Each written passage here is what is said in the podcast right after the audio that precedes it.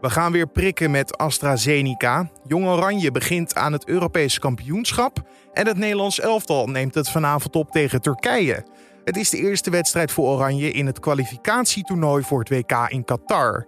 De persconferentie in aanloop naar die wedstrijd ging gisteren echter vooral over de mensenrechten in Qatar.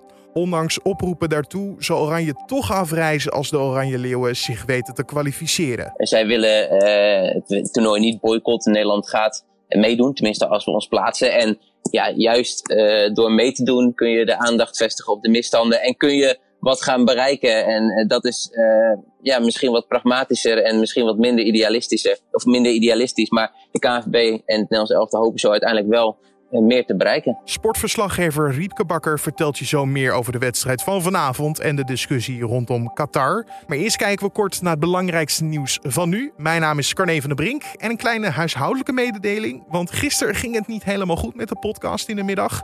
Door een technisch mankement of door een menselijke fout kwam de podcast niet online te staan. Daardoor kwam de podcast pas veel later online. Excuus daarvoor. En vanmiddag is hij gewoon weer te vinden op de voorpagina van nu.nl en in je favoriete podcast-app. En dan gewoon op tijd. Het is vandaag woensdag 24 maart. De persconferentie van Rutte en de jongen was gisteren een zware dobber. De cijfers gaan de verkeerde kant op en daarom zijn de coronamaatregelen met drie weken verlengd.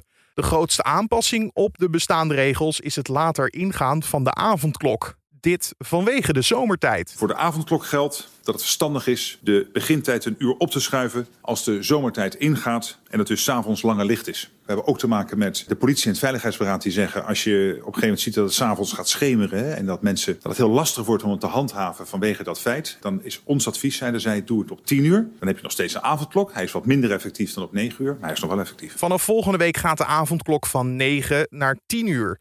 Bij Opeens zat gisteravond Ernst Kuipers, voorzitter van het landelijk netwerk Acute Zorg. Volgens hem gaat een uur eerder of later niet veel verschil maken. Een uur opschuiven, dat heeft vrijwel zeker maar een, nauwelijks enig effect, als het al een effect heeft. En dan moet je echt wel kijken naar wat is de mogelijkheid om het inderdaad te handhaven. En wat is het draagvlak? Het is een maatregel die goed wordt nageleefd, maar die ook heel weinig draagvlak heeft. Op de andere zender zat intensive carebaas Diederik Gommers bij Bo. Volgens hem moet er anders gekeken worden naar de vaccinatiestrategie. Want om te kunnen versoepelen zouden eigenlijk 60-plussers zo snel mogelijk moeten gevaccineerd worden. Ik had graag gezien alle 60-plussers in april. En dan kunnen we in mei uh, gaan versoepelen, snap je? Want dan krijg ik mijn grootste gedeelte niet meer naar het ziekenhuis en naar, naar de intensive care. In Brazilië zijn opnieuw een record aantal mensen overleden aan het coronavirus. Het gezondheidsministerie meldde gisteren ruim 3000 overlijdens. Het vorige record dateerde van slechts een week geleden. In het land met 210 miljoen inwoners zijn tot nu toe bijna 300.000 mensen gestorven aan het coronavirus. Meer dan 12 miljoen mensen raakten al besmet. De grote toename in het aantal nieuwe infecties zorgt voor een enorme druk op het Braziliaanse gezondheidsstelsel, dat volgens de experts op omvallen staat. De Sionkerk op Urk heeft sinds afgelopen weekend de coronamaatregelen losgelaten en weer alle leden verwelkomd. Op de ochtend- en middagdienst van zondag kwamen zo'n 350 tot 400 mensen af, zo schrijft Trouw. De kerk stopt met de coronaregels omdat de kerkenraad tegemoet wil komen aan de nood en het geestelijk welzijn van de gemeente.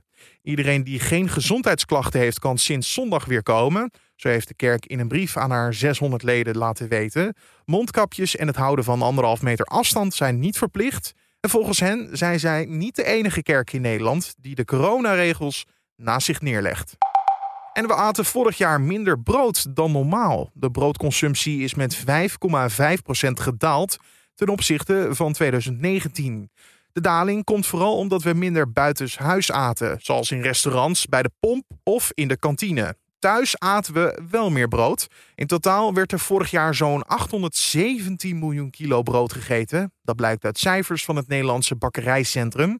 In supermarkten gingen mensen vooral voor normaal brood en we trakteerden ons minder op luxe broodjes. En dan naar de Oranje Leeuwen. Want vanavond speelt het Nederlands elftal om 6 uur tegen Turkije. Het is de eerste wedstrijd voor Oranje in het kwalificatietoernooi voor het WK in Qatar. Gisteren was de persconferentie en daar ging het eigenlijk maar om één ding: de mensenrechten kwestie in Qatar. Er gingen stemmen op om het toernooi te boycotten. Bondscoach Frank de Boer kwam dan ook met een verklaring als reactie op deze oproep. En ik denk ook uh, terecht dat die vragen gesteld uh, zijn en, en worden. Uh, we weten allemaal wat daar is gebeurd en misschien nog steeds gaande is. Oranje wil vanuit Qatar verandering teweeg brengen. Althans, dat is het idee. En sowieso moeten de Leeuwen zich eerst nog weten te kwalificeren. Maar duidelijk is wel dat ze naar Qatar willen. Was het dan wel een stevig statement te noemen? Dat vroeg collega Julien Dom aan sportverslaggever Riepke Bakker. Nee, het is niet stevig. Uh, zeker niet. Het is eigenlijk in de lijn wat we de afgelopen uh, weken al van de KNVB hebben gezien. Uh, zij willen het toernooi niet boycotten. Nederland gaat meedoen, tenminste als we ons plaatsen. En ja, juist door mee te doen kun je de aandacht vestigen op de misstanden en kun je wat gaan bereiken. En dat is ja, misschien wat pragmatischer en misschien wat minder idealistischer. Of minder idealistisch. Maar de KNVB en het Nederlands elftal hopen zo uiteindelijk wel meer te bereiken. Ja, want die misstanden, het gaat dan om duizenden arbeiders die zouden zijn omgekomen bij de voorbereidingen van het WK in Qatar lijkt wat laat te komen misschien, toch? Nu pas. Nou, uh, kijk, dat die, dat die arbeiders, hè, het, totale aantal wat de Britse krant The Guardian noemt, is, er zijn 6.750 arbeiders om het leven gekomen sinds 2010, sinds het WK aan Qatar werd toegekend. Dat is niet alleen bij de bouw van de stadions gebeurd, maar bij de bouw van de wegen, bij de bouw van allerlei andere eh, bouwprojecten. Maar duidelijk is in ieder geval dat ze daar met uh, de, de, de mensenrechten van de, van de, van de arbeiders uit landen als India, Nepal, Bangladesh, Pakistan uh, daarheen komen om, om geld te verdienen. Ja, dat ze daar niet op een hele prettige en nette manier uh, mee omgaan. tel daar ook bij dat daar nou ja, de, met de, de, homorechten ook niet heel, op een hele prettige manier gewaarborgd zijn. Of dat die er eigenlijk helemaal niet zijn. Ja, dan komt natuurlijk de vraag op, ja, moet je wel nog in zo'n land willen spelen? Die vraag die werd toen destijds al gesteld. Hè? Want uh, Qatar, als ik me even goed herinner, dat werd gekozen onder de tijd van uh, voormalig FIFA-president Sepp Blatter. En dat is weer een naam die ja, sindsdien ook al met corruptie is omgeven. Ja, nou ja, ik herinner het me nog eens de dag van gisteren. Ik weet nog dat Qatar uit de, uit de koken kwam als WK. En ik viel op de grond in mijn studentenkamer van, ja, enerzijds het lachen, maar het was, het was lachen van verbazing. Want ja, eh, Qatar is een land wat nog nooit aan het WK heeft meegedaan, wat helemaal geen voetbalcultuur heeft. Dus het was al een bizarre keuze. En waar het gloedje heet is in de zomer. En, en bovendien, toen zeiden ze ook nog eens, zou het gewoon een WK in de zomer zijn. Nou, dan krijg je een WK bij 50 graden, wat uh, niet kan. Uh, of in ieder geval niet heel prettig is. Uh, dus dat is later verplaatst naar de winter. Maar eigenlijk sindsdien is natuurlijk nog meer misstanden. Je wist toen al van, nou, het is niet het meest... Nou, niet het meest fijne land, laat ik het zo zeggen. En sindsdien kwam natuurlijk veel arbeiders om het leven. Er kwam er meer naar buiten over de mensenrechten situatie daar. En er kwam ook nog eens naar buiten dat het WK door middel van allerlei steekpenningen en andere toestanden en foute betalingen eigenlijk naar Qatar is gegaan en niet naar een ander land. Dus sowieso de manier waarop het is verkregen is fout. En ja, het land zelf, daar valt ook heel veel op aan te merken. Alleen het is het heel raar, kun je wel zeggen, eh, dat we nu deze discussie voeren. Ik snap het wel, want de WK kwalificatie begint. Maar ja, die hadden we eigenlijk elf jaar geleden moeten eh, voeren. Want dan hadden we nog een alternatief kunnen hebben. En dan hadden we kunnen werken naar een alternatief. En dat is nu bijna onmogelijk. Ja, bijna onmogelijk. Dat zit er gewoon 100% niet meer in, toch? Als we eerlijk zijn. Nou ja, kijk. We zitten met dit WK. En, en er valt ook voor de KNVB wat te zeggen. Want de KNVB eh, heeft er alles aan gedaan om bijvoorbeeld mensenrechten als paragraaf eh, op te laten nemen eh, bij de, als een land een toernooi wil. Dus als een land een toernooi wil organiseren, moet ze aan, aan de mensenrechten uh, moet de mensenrechten situatie goed zijn. Nou, die paragraaf is nu opgenomen, alleen dat was voor Qatar. Uh, voordat het aan Qatar werd toegekend. Dus... Je, je bedoelt al, al, nadat het aan Qatar werd toegekend? Ja, sorry, nadat Qatar, uh, Qatar kreeg het WK. En vervolgens kwam die paragraaf pas in. Wel door inzet onder andere van de KVB. Dus er is al wel een hoop veranderd. Alleen, um, ja, het komt te laat. En om nu nog een boycott over te gaan. Kijk, we willen wel een WK voetbal de, de wereld wil wel een WK voetbal zien. Alleen ja, er is geen alternatief meer. Het enige alternatief was eigenlijk uh, de Verenigde Staten. Uh, want die waren ook in de race voor het WK, maar die hebben het WK van 2026 gekregen. Die hadden een rechtszaak kunnen beginnen van ja, wij mochten het WK in 2020, 2022 organiseren. Maar ja, nu hebben ze al een WK vier jaar later gekregen. Dus is die noodzaak er ook niet meer. Ja, en in een ander land nu even snel een uh, WK uit de grond stampen. Zeker in deze coronatijd. Mensen hebben wel andere dingen aan hun hoofd ja, dat gaat ook niet meer lukken. Dus er is geen alternatief meer. Het, het, wordt gewoon voetbal in Qatar. Toch lijkt dit statement van ja, de boer nu enigszins ja, de wedstrijd tegen Turkije te overschaduwen. Zie jij dat ook zo? nou, sterker nog, uh, er is geen enkel, met geen enkel woord op de persconferentie gisteren gesproken over die wedstrijd tegen Turkije. Uh, het is Terwijl hele... die ook belangrijk is. Hè? Nou, ik wil ze niet vergelijken, maar in ieder geval voor Oranje als kwalificatieduel is het een belangrijke wedstrijd. Ja, het is de belangrijkste wedstrijd uh, sinds jaren eigenlijk voor het Nederlands elftal. Uh, ja, absoluut. We moeten een enorme stap zetten. Kunnen we richting het EK. We kunnen ook meteen op een enorm zijspoor komen richting het uh, WK van 2022. Alleen ja, uh, we hebben het er niet over, want het ging vooral over Qatar inderdaad. Dat is de discussie die nu gaande is. Wat voor effect zal dit hebben op het veld vanavond? Ja, dat niet. Het, het zal geen effect hebben op het veld, want ehm, ja, kijk, voor de internationals die zijn hier wel mee bezig. En eh, de, de KNVB worstelt hiermee en eh, Frank de Boer worstelt hiermee. Hoe moet je hier nou mee omgaan? Hoe moet je nou met deze situatie omgaan? Maar het is echt niet zo dat als zij straks eh, op een veld staan. Ze staan op een veld in Turkije en niet op een veld in Qatar. Dus het is allemaal even heel ver weg. En dan draait het gewoon om, om voetballen. En dan draait het gewoon om, om drie punten pakken richting het WK. En dan is echt niemand meer bezig met het WK in Qatar. Daar gaat wel eventjes de focus weer, uh, weer op het voetbal. Hoe schat jij de kans in van de Oranje Leeuwen uh, tegen Turkije?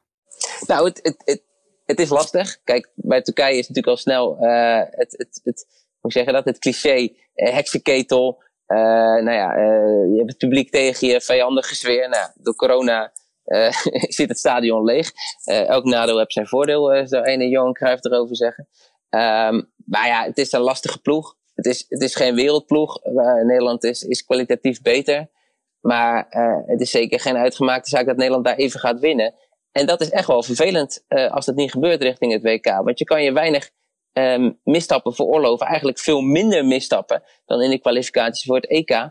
Waar we ons natuurlijk al ja, voor hebben geplaatst en wat komende zomer gaat plaatsvinden. Als ik daar even over verder mag gaan, Riepke. Uh, het is geen uitgemaakte zaak. Dan zou je toch denken, stel dan een Wout Weghorst op bijvoorbeeld. Want ja, 17 doelpunten in de Duitse Bundesliga. Dat is de, de competitie van onze oosterburen.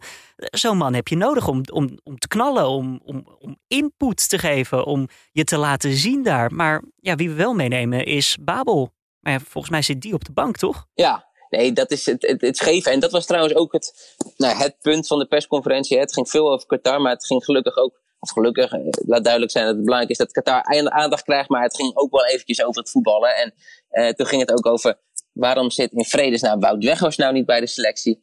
Nou ja, de boer is gewoon een trouwe bondscoach. En hij uh, heeft twee spelers, Luc de Jong en Wout Weghorst. Dat vindt hij ongeveer dezelfde type spelers.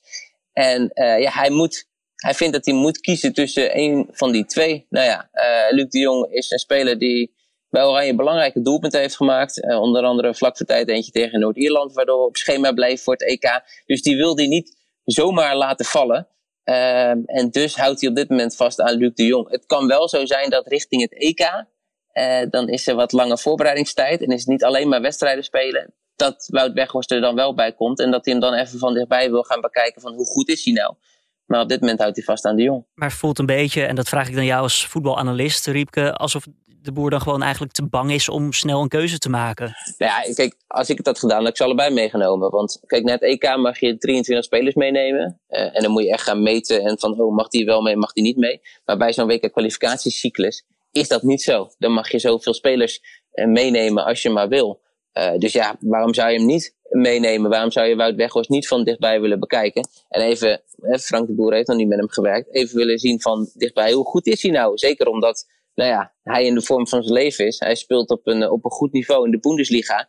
En we hebben nogal wat spelers. Hè? Donny van der Beek, die houdt de tribune of de bank warm bij United. Uh, Steven Bergwijn speelt niet veel. Ryan Babel, uh, nou ja, die noemde je al, die komt bijna geen actie uh, in Turkije. Dus ja, er valt wel wat voor te zeggen om in ieder geval de man, van, uh, man in vorm, Wout Weghorst, wel mee te nemen. Dit is toch gewoon een situatie van de eerste kwalificatiewedstrijd is nog niet eens gespeeld en de eerste misser is al gemaakt?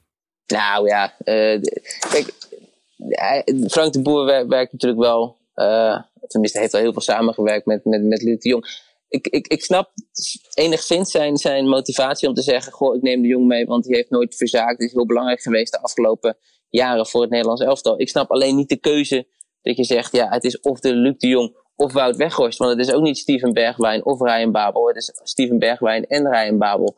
Dus ja, dan zou je ook kunnen zeggen, ja, waarom niet gewoon uh, Luc de Jong en Wout Weghorst. Dan heb je in ieder geval uh, achter de hand En mochten we dan 2-0 achter staan bij Rust in Turkije, kan je hem altijd nog inbrengen. En ja, baat het niet, dan schaadt het niet. Als we even verder kijken naar de pool, een kleine vooruitblik, Riepke.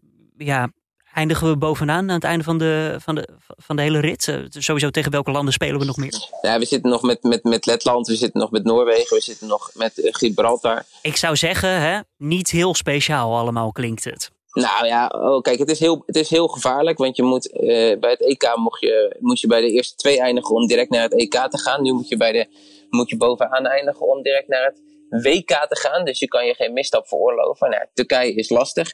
Maar Noorwegen, ja, jij denkt misschien Noorwegen, ja, die zie ik nooit op een EK, VK. Maar bij Noorwegen is wel iets aan de hand, want daar hebben ze op dit moment een gouden generatie. Je hebt daar Haaland, dat is ongeveer uh, nou de beste jonge spits ter wereld lopen. Um, je hebt daar Eudegaard, die kennen we nog van, uh, van uh, Heerenveen en Vitesse, is een fantastische speler. Er komt daar een fantastische gouden lichting jonge voetballers aan. Um, dus dat wordt nog wel even lastig voor Nederland om daarmee af te rekenen ja, we staan gewoon nog lang niet op dat WK. Dat is echt een, eh, een helse karwei, een helse klus en een veel moeilijkere klus dan eh, de EK-kwalificatie. Vanavond wordt het dus om 6 uur afgetrapt in Turkije. Sportverslaggever Riepke Bakker hoorde je in gesprek met mijn collega Julien Dom. En dan de verdere nieuwsagenda voor vandaag. De voetballers van Jong Oranje beginnen om 9 uur het EK in Hongarije met een wedstrijd tegen Jong Roemenië. Daarna spelen de mannen van bondscoach Erwin van der Looy in groep A nog tegen Jong Duitsland en Jong Hongarije. De eerste twee landen uit de pool plaatsen zich voor de kwartfinales, die over ruim twee maanden op het programma staan. De GGD hervatten vandaag de vaccinaties met het coronavaccin van AstraZeneca. Dit na een pauze van anderhalve week. Veel Europese landen, waaronder Nederland, stopten tijdelijk met het vaccin omdat het mogelijk bloedstolsels zou veroorzaken. Vorige week kwam het Europees Geneesmiddelenbureau met het oordeel dat het vaccin effectief en veilig is en dat de kans op ernstige complicaties met dit vaccin extreem klein is.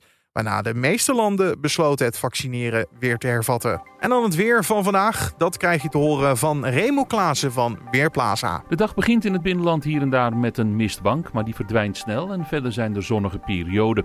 In de loop van de dag ontstaan er wel wat stapelwolken, maar het blijft overal droog. Later in de middag en in de avond neemt ook de hoge bewolking toe en mogelijk dat in het noordwesten van het land een klein beetje regen gaat vallen. De temperatuur die ligt vanmiddag zo rond de 14 graden in het midden en zuiden van het land. In het noorden wordt het een graad of 12. De wind die waait uit het zuidwesten en is overwegend matig. Dankjewel Raymond Klaassen van Weerplaza. En om af te sluiten nog even dit. Het grootste schilderij ter wereld is in Dubai geveld voor een bedrag van ongeveer 52 miljoen euro. Het werk van een Britse kunstschilder heet De Reis van de Mensheid en het bestaat uit 70 delen. Een Franse eigenaar van een cryptovaluta-bedrijf heeft alle 70 delen gekocht.